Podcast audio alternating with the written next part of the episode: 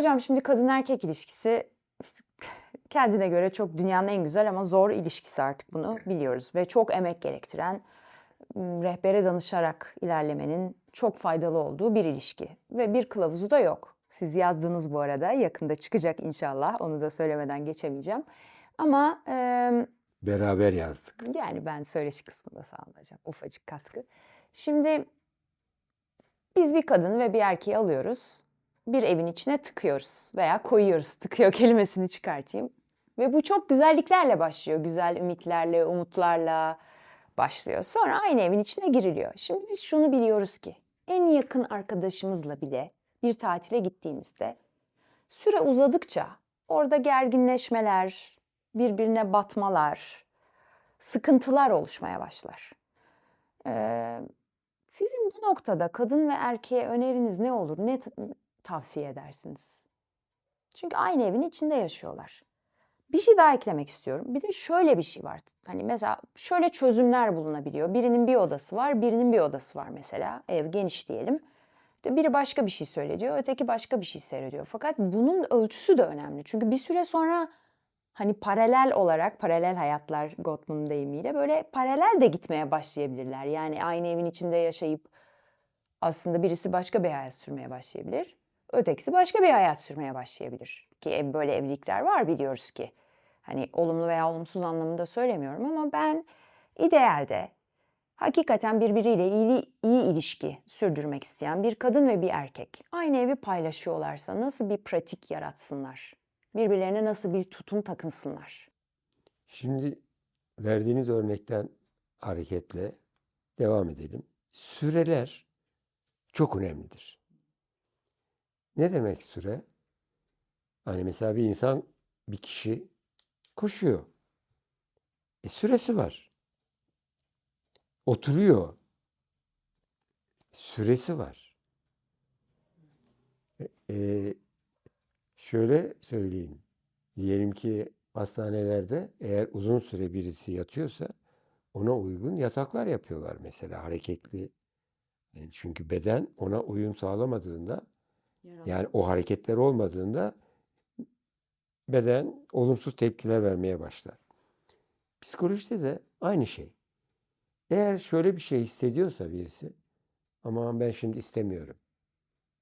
Bu olumsuz hanesine girmemeli. Bu doydum demek gibi bir şeydir. O zaman içinde yaşadığı ortama, koşullara, yapıya göre nasıl mola vereceğini ayarlayacak. Demin verdiğiniz örnek gibi. Eğer iki o, yani ayrı odalardalarsa o olacak ama ayrı oda yapın değil. Ama şu anda ben şurada olmak istiyorum diyorsa içi, şu anda ben burada olmak istemiyorum diyorsa içi, ona göre bir tutum takınacak. Burada risk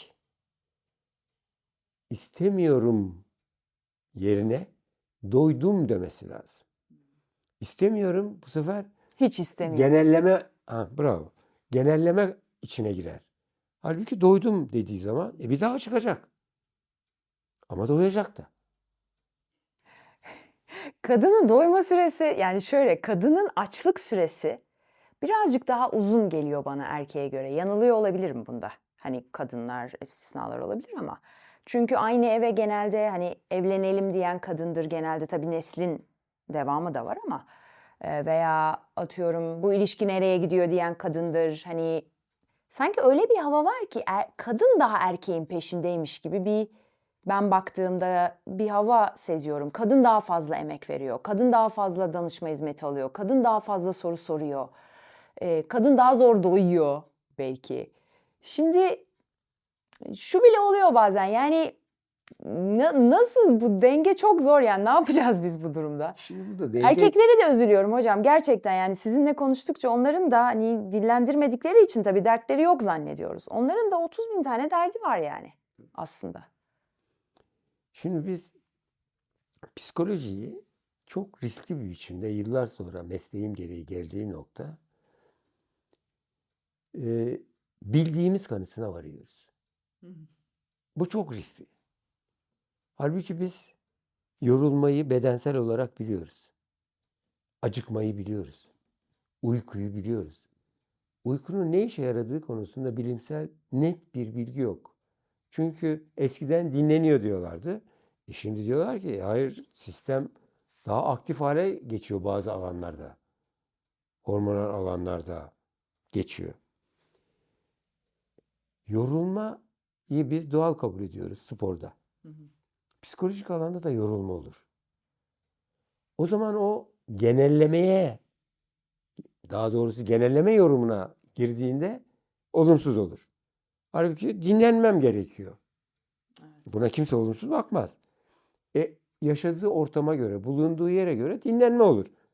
Sporda diyelim ki işte half time dedikleri yani ara vardır. E, bazı sporlarda zaten Kaç tane ara? kaç tane vardır. Evet. Burada da ara verilir. Bu artık istemiyorum yorumu kişiyi de yorar, karşısındakini de yorar. Yani kadını da yorar, erkeği de, erkeği de yorar, kadını da yorar.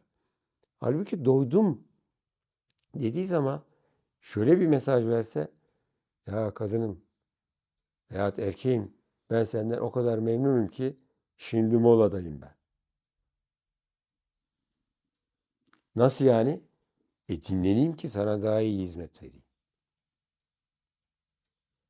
Kendime mola vereyim ki sana daha iyi sahip çıkayım. Şimdi düşününce şimdi erkekler daha sık ve daha, daha doğrusu şöyle söyleyeyim yanlış kelime kullandım. Mesela kadın 5 günde mola almak istiyor, erkek 3 günde mola almak isteyebiliyor. Evet. Belki de erkek daha çok yoruluyor kadın erkek ilişkisinde. O yüzden mola almak istiyor. Şimdi Evet, sizi bravo, dinleyince o noktaya geldim. Yani belki biz görmediğimiz için bir şeyi, konuşmadığı için hani zannediyoruz ki erkeğin keyfi yerinde ama paşa gönlü öyle istiyor yani. Bu tabii ifade ediş biçimleri. E ama çok güzel bir şey söylediniz. Bildiği zaman Evet. yani kadın doğurur, erkek doğurmaz. Bunu bildiği zaman kadını Niye Ya erkek kimse- doğurmuyor demiyoruz "Ay, mesela. niye erkek doğurmuyor demiyoruz. Kadına da hep sen mi doğuracaksın demiyoruz. Demiyoruz evet. Şimdi böyle, burada da aynı şablonu koyalım buraya. Diyelim ki kadın veya yoruldu. Veya tamam doydu. E bu çok olumlu bir şey. Tabii çok biz- olumlu. Erkek açısından muhteşem bir şey. Yani kadınıma ben iyi bakıyorum. Karnını doyurdum mesela. İşte kadın bu mesajı Kadın için de verdiğinde keza aynı şey. "E, ç- çok mutluyum, çok iyiyim, çok rahatım, iyi ki varsın. Mola desin. Nedir mola derse ya bugün ben Ayşe ile kahve içmeye gideceğim desin. Çünkü zaten yapılıyor bunlar. Evet. Niye bunu söylüyorum? Biz o doymayı olumsuz yorumladığımız zaman risk başlar. Yani doydum. E olumlu bir şey yani çok iyi bir şey oldu. Ben yani gıdamı aldım doydum. Veya sporumu yaptım yoruldum. Bu olumlu bir şey. Ama biz yorulmayı veya doymayı olumsuz hanesinde psikolojide hele kadın erkek ilişkisinde yerleştirme riskine sahibiz. Hocam psikolojide doyma diye bir kavramı şimdi sizden duyuyoruz. Yani psikolojide doyma ne demek yani? Şimdi daha önce bu dillendirilmedi ki.